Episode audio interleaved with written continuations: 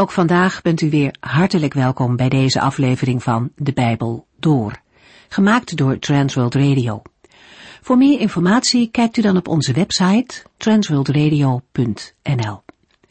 In deze serie gaat u in vijf jaar tijd met ons de Bijbel door, van Genesis 1 tot en met het laatste vers in Openbaring 22.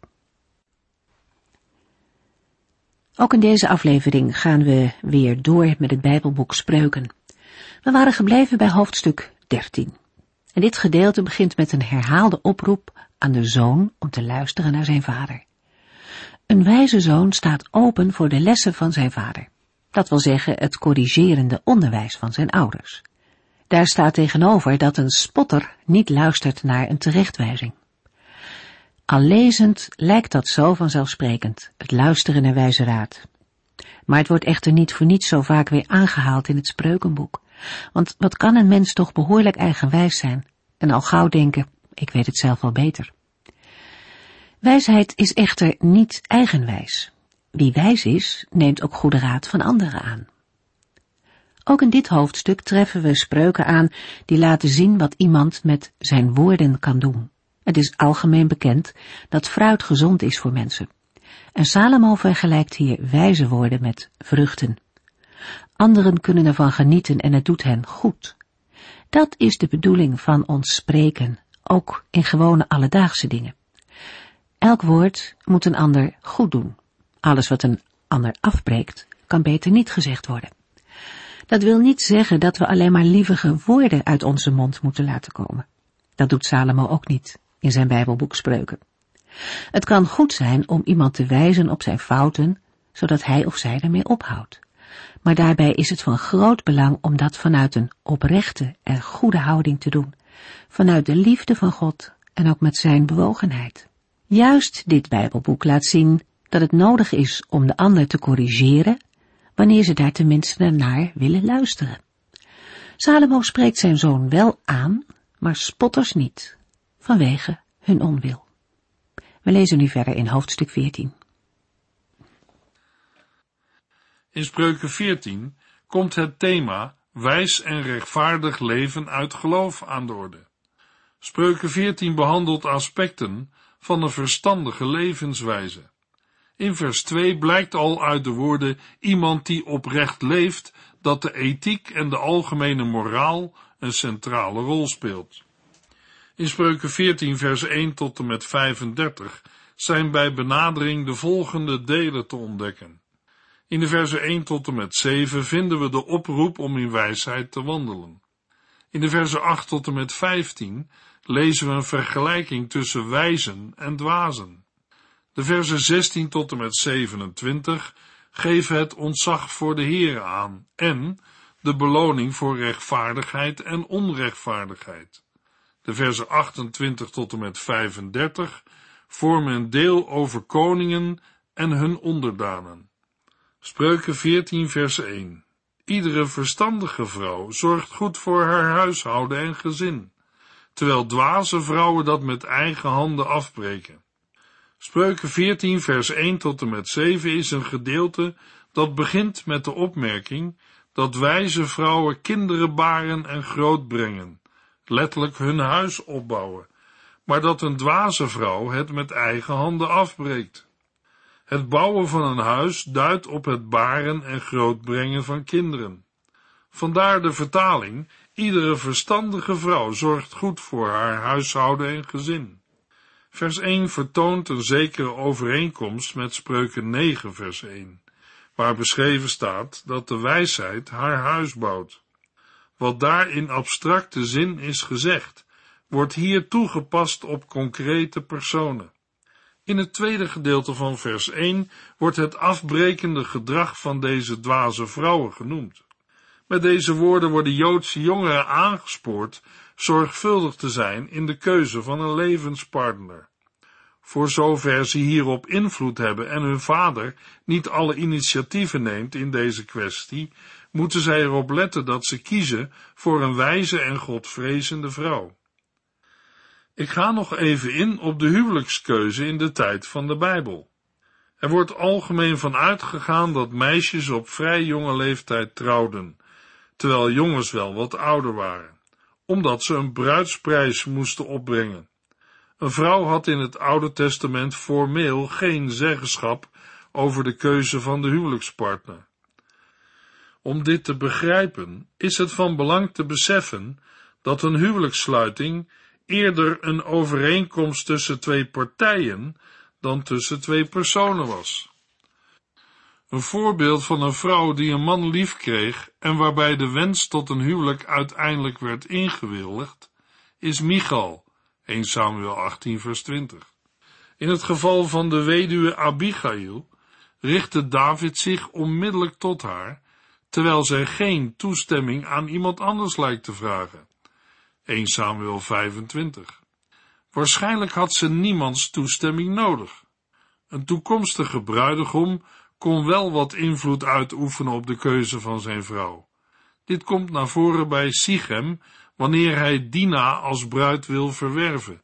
Genesis 34 vers 4. Simson consulteerde zijn ouders over de Filistijnse vrouw die hem beviel. Rechters 14 vers 2 en 3. En Jacob onderhandelde over Rachel. Genesis 29. Voordat overeenkomst kon worden bereikt over een huwelijk, moest de mohar, de bruidsprijs, worden vastgesteld. De mohar is een som geld die de jongen aan de vader van het meisje moest geven. Het woord komt driemaal in de Bijbel voor, maar de zaak zelf wordt elders ook met andere woorden omschreven. De betaling van de bruidsprijs kon worden vervangen door het verrichten van werk, zoals bij de twee huwelijken van Jacob, Genesis 29, of door het bewijzen van een bijzondere dienst, zoals bij het huwelijk van David en Michal, 1 Samuel 18, en dat van Otniel met de dochter van Caleb, in Jozua 15 en Rechters 1. De indruk kan ontstaan dat er sprake is van de koop van een meisje, maar dat is een onjuiste gedachte. Een mohar of bruidsprijs moeten we eerder opvatten als een schadeloosstelling voor de familie. De vader van de bruid zal om zijn familie in stand te houden voortaan een werkkracht moeten missen. En dat verlies wordt dan met de bruidsprijs gecompenseerd. Met het betalen van de bruidsprijs verwerft de aanstaande bruidegom het recht het meisje op een nog vast te stellen tijd ten huwelijk te nemen. Daarmee heeft de overhandiging van het bedrag de status van een verloving. Na de verloving waren het meisje en de jongen gebonden aan de belofte van trouw. Na verloop van tijd werd de bruid naar het huis van de bruidegom gebracht. Dat was een bijzonder moment, omdat ze emotioneel en zakelijk afgesneden werd van haar eigen familie en voortaan deel ging uitmaken van de familie van haar man. Tijdens het feest dat hiermee gepaard ging, was zij met mooie kleding en juwelen getooid. Vergezeld door vrienden met tamboerijnen en andere muziekinstrumenten, werd zij naar het huis van de bruidegom geleid. Gedurende de feesten die enkele dagen duurden, bleef zij gesluierd. Zowel in Israël als bij de omringende volken leefde de hoop op een rijke kinderzegen. Het was niet ongebruikelijk dat een bruid die geen kinderen kreeg, in ongenade viel bij haar man, en dat deze haar ervan beschuldigde niet geslachtsrijp te zijn. De angst voor verstoting moet in de toenmalige wereld groot zijn geweest. Soms moest de bruid andere vrouwen naast zich dulden, aangezien er polygamie bestond. Het Bijbels ideaal is het monogame huwelijk. In het Nieuwe Testament is er geen ruimte voor huwelijken met meer vrouwen. Spreuken 14 vers 2 Iemand die oprecht leeft, geeft blijk van eerbiedig ontzag voor de Heere. Wie dat niet doet, veracht hem. De wandel van oprechte wordt in vers 2 nader omschreven. Wie ontzag voor de Heere heeft, zal ook wandelen en leven zoals de Heere dat graag wil. Op die manier wordt duidelijk dat echt ontzag voor de Heere blijkt uit de handel en wandel van een mens. Hij zegt ons vandaag dat onze manier van leven onze relatie met de Heere weerspiegelt. In 1 Johannes 2 vers 6 zegt de apostel Johannes, Ieder die zegt één te zijn met hem, moet leven zoals Jezus leefde. Ons leven hoort in gehoorzaamheid en afhankelijkheid van God de Vader te zijn, net zoals het leven van de Heer Jezus dat was. Mogelijk herinnert u zich uit 1 Samuel 15, vers 22 en 23, de woorden van de profeet Samuel. Hij zegt tegen koning Saul, Gehoorzaamheid is de Heere veel meer waard dan offers. Hij heeft liever dat u naar hem luistert, dan dat u hem het vet van de rammen offert. Want opstandigheid is net zo erg als toverij, en koppigheid is net zo erg als aanbidding van afgodsbeelden. Omdat u het woord van de Heer in de wind hebt geslagen, heeft hij het koningschap van u afgenomen. Ook vandaag is gehoorzaamheid aan de Heere belangrijker dan het vervullen van godsdienstige gebruiken en plichten. Als een mens weer heeft gedaan wat hij of zij moest doen, getuigt dat niet van een liefdevolle en intense relatie met God. Na vers 2 wordt in vers 3 de inhoud van vers 2 toegepast op de dingen die een mens zegt.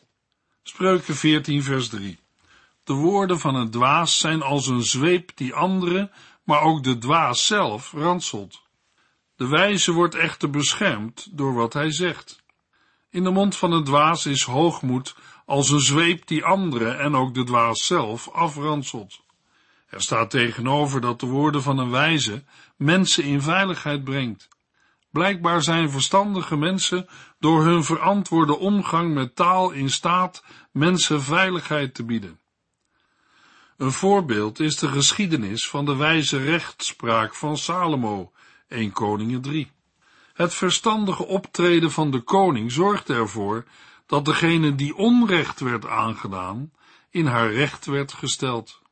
Spreuken 14 vers 4 Als er geen ossen zijn, blijven voederbak en tafel leeg.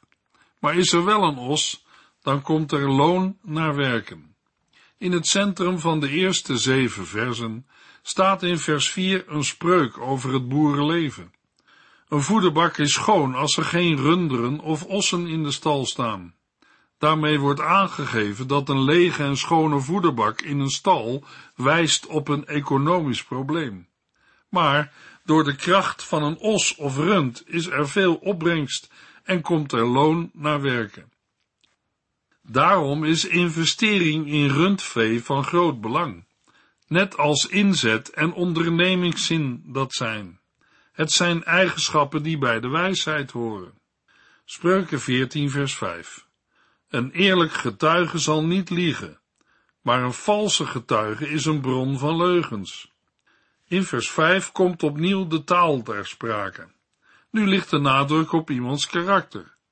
Een betrouwbaar getuige zal niet liegen, terwijl een vals getuige leugens ademt.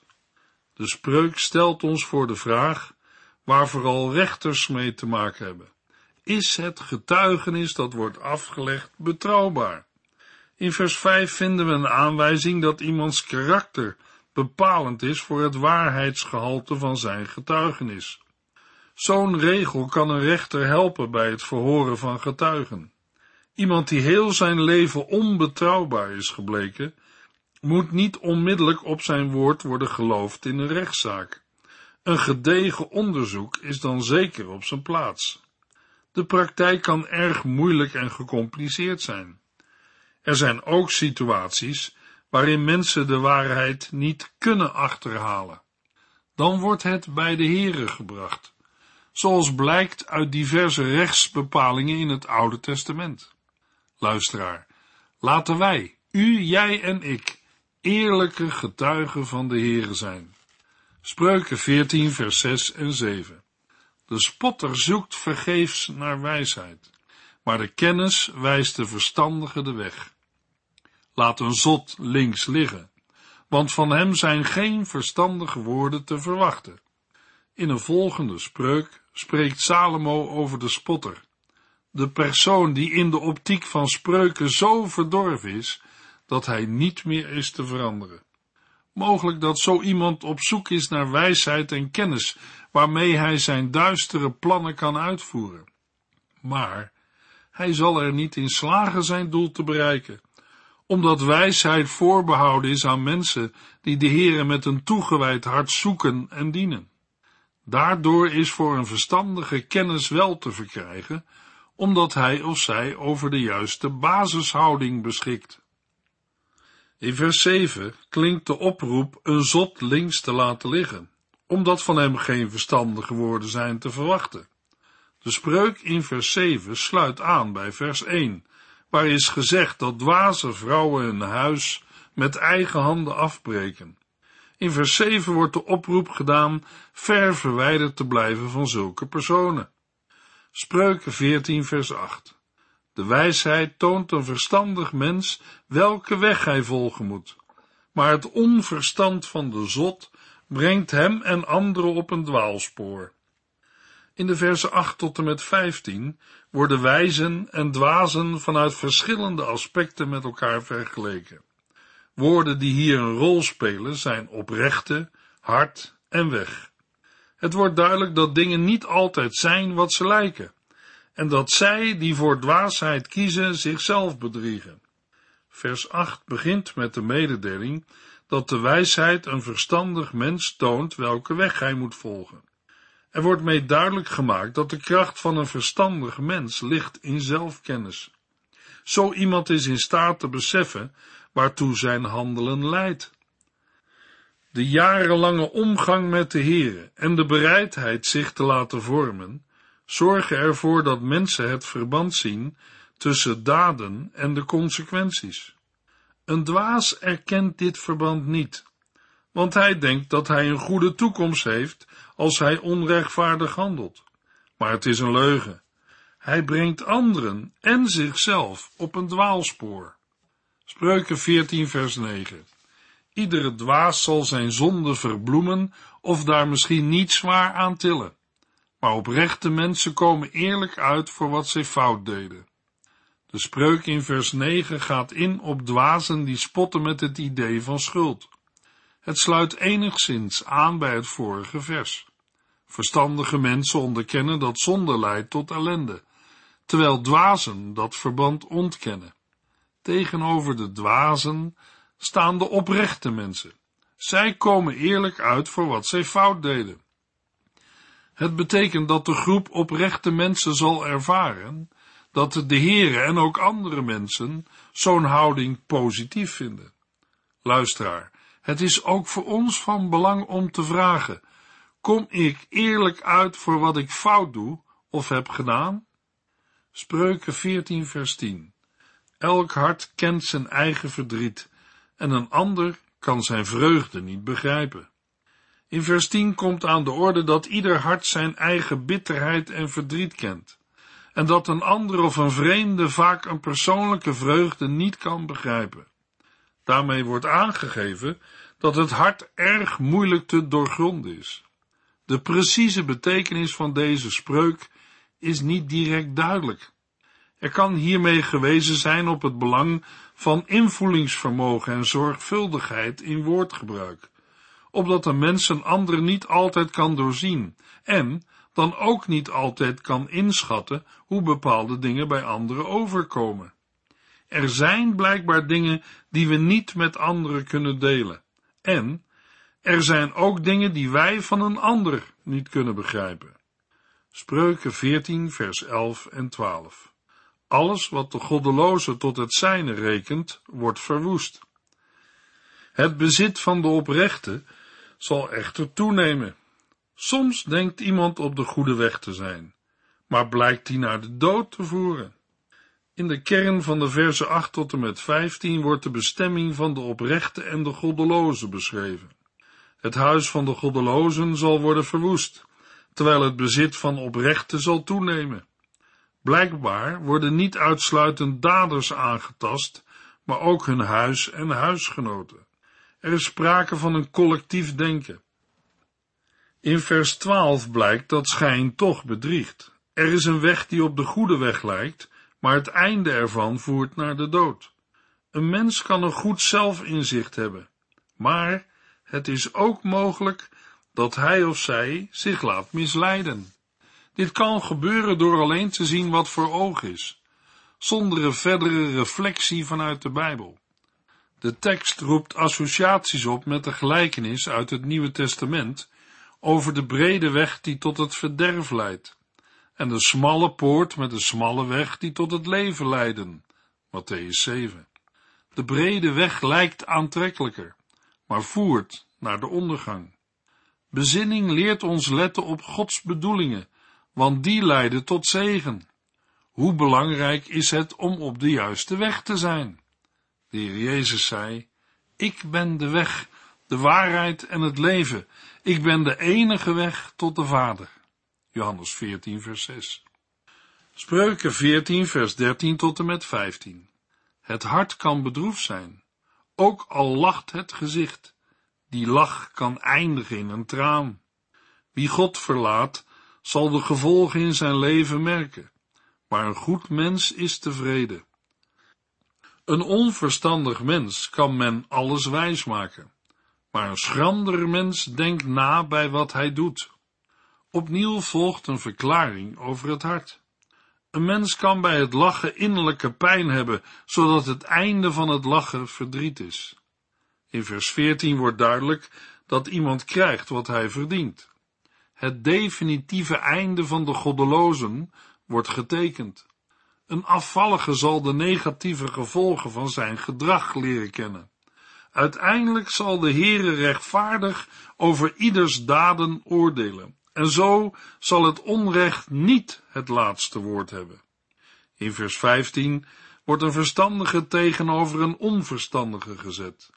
Iemand die alles gelooft wat hij hoort, is onverstandig en denkt niet na bij wat hij doet.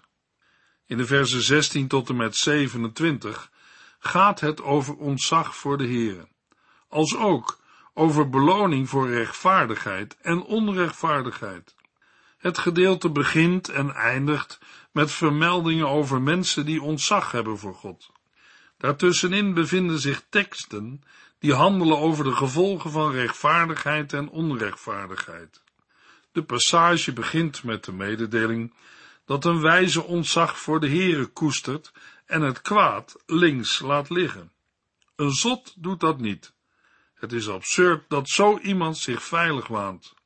In vers 17 richt Salomo zich vooral tegen mensen die geen zelfbeheersing hebben. Daarnaast geeft hij aan dat mensen met verborgen agenda's de weerstand van de hele gemeenschap oproepen. Vers 18 geeft nog een spreuk over de gevolgen van goed of fout gedrag. Onervaren mensen zijn niet per definitie corrupt, maar vooral gevoelig voor verleiding en daarmee voor dwaas gedrag. In de versen 19 tot en met 24 wordt de publieke erkenning of afwijzing van respectievelijk rechtvaardigen en onrechtvaardigen beschreven.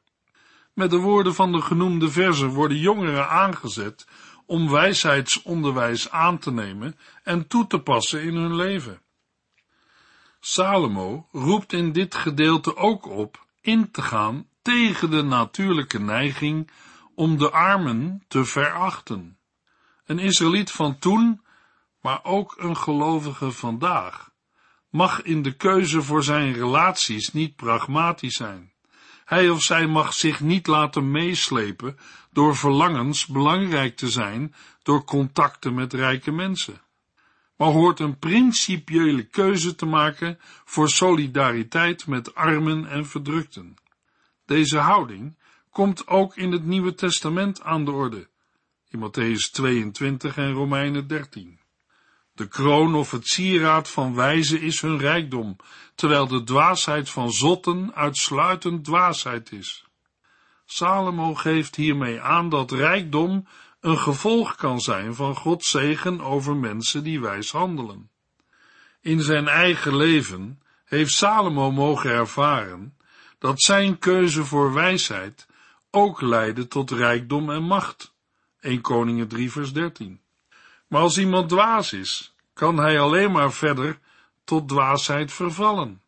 Het zal steeds moeilijker voor hem worden wijs te zijn, en daarmee loopt hij ook de zegen mis. Nadat in de versen 19 tot en met 24 is aangegeven welke gevolgen wijsheid en dwaasheid voor een persoon hebben, komt in de versen 25 tot en met 27 aan de orde wat de consequenties voor de omgeving zijn. Het gedeelte wordt afgesloten door een tweetal spreuken over ontzag voor de Heeren. Spreuken 14 vers 27. Het eerbiedig ontzag voor de Heere is een bron van leven en helpt dodelijke vallen te ontlopen. Zo onderstreept de tekst het leven schenkende karakter van de toewijding aan de Heere. In de versen 28 tot en met 35 gaat het vooral over koningen en het gedrag van hun onderdanen. In deze verse wordt de aandacht gericht op de hele natie. De laatste keer dat koningen werden genoemd was in Spreuken 8 vers 15, waar staat dat de koningen door de heren regeren. Twee verzen die eruit springen. Spreuken 14 vers 30. Een zuiver hart doet goed aan eigen en andermans leven, maar haat en nijd bederven alles. Jaloersheid zal een mens niet alleen van zijn of haar blijdschap beroven, maar haat en nijd bederven alles. Spreuken 14, vers 34 en 35. Als er rechtvaardigheid heerst, wordt een volk geëerd. Maar als de zonde hoogtij viert, is dat een schande voor een land. Een verstandige dienaar wordt door de koning goed behandeld, maar als een dienaar zich slecht gedraagt, zal hij de woede van de koning oproepen. De koning draagt in zijn land verantwoordelijkheid voor het handhaven van recht. Praktisch betekent dit dat hij ook het gedrag van zijn dienaren in de gaten moet houden en dat hij, waar nodig, moet ingrijpen. De koning vervult hier een taak die op andere plaatsen aan de heren toekomt. Hij begenadigt rechtvaardigen en vergeldt onrecht. In de volgende uitzending lezen we Spreuken 15. U heeft geluisterd naar De Bijbel Door, in het Nederlands vertaald en bewerkt door Transworld Radio. Een programma waarin we in vijf jaar tijd de hele Bijbel doorgaan. Als u wilt reageren op deze uitzending of u heeft vragen, dan kunt u contact met ons opnemen. Tijdens kantooruren kunt u bellen op 0342 47 8432. 0342 47 8432. Ook kunt u een e-mail sturen naar de transworldradio.nl en natuurlijk kunt u ook via de post ons bereiken. TWR, postbus 371, postcode 3770, AJ in Barneveld. Dit programma werd gepresenteerd door Cor Weda en Ike André. Techniek was in handen van Odin van Voerkom. En wij allemaal bedanken u voor het luisteren. Graag tot de volgende keer.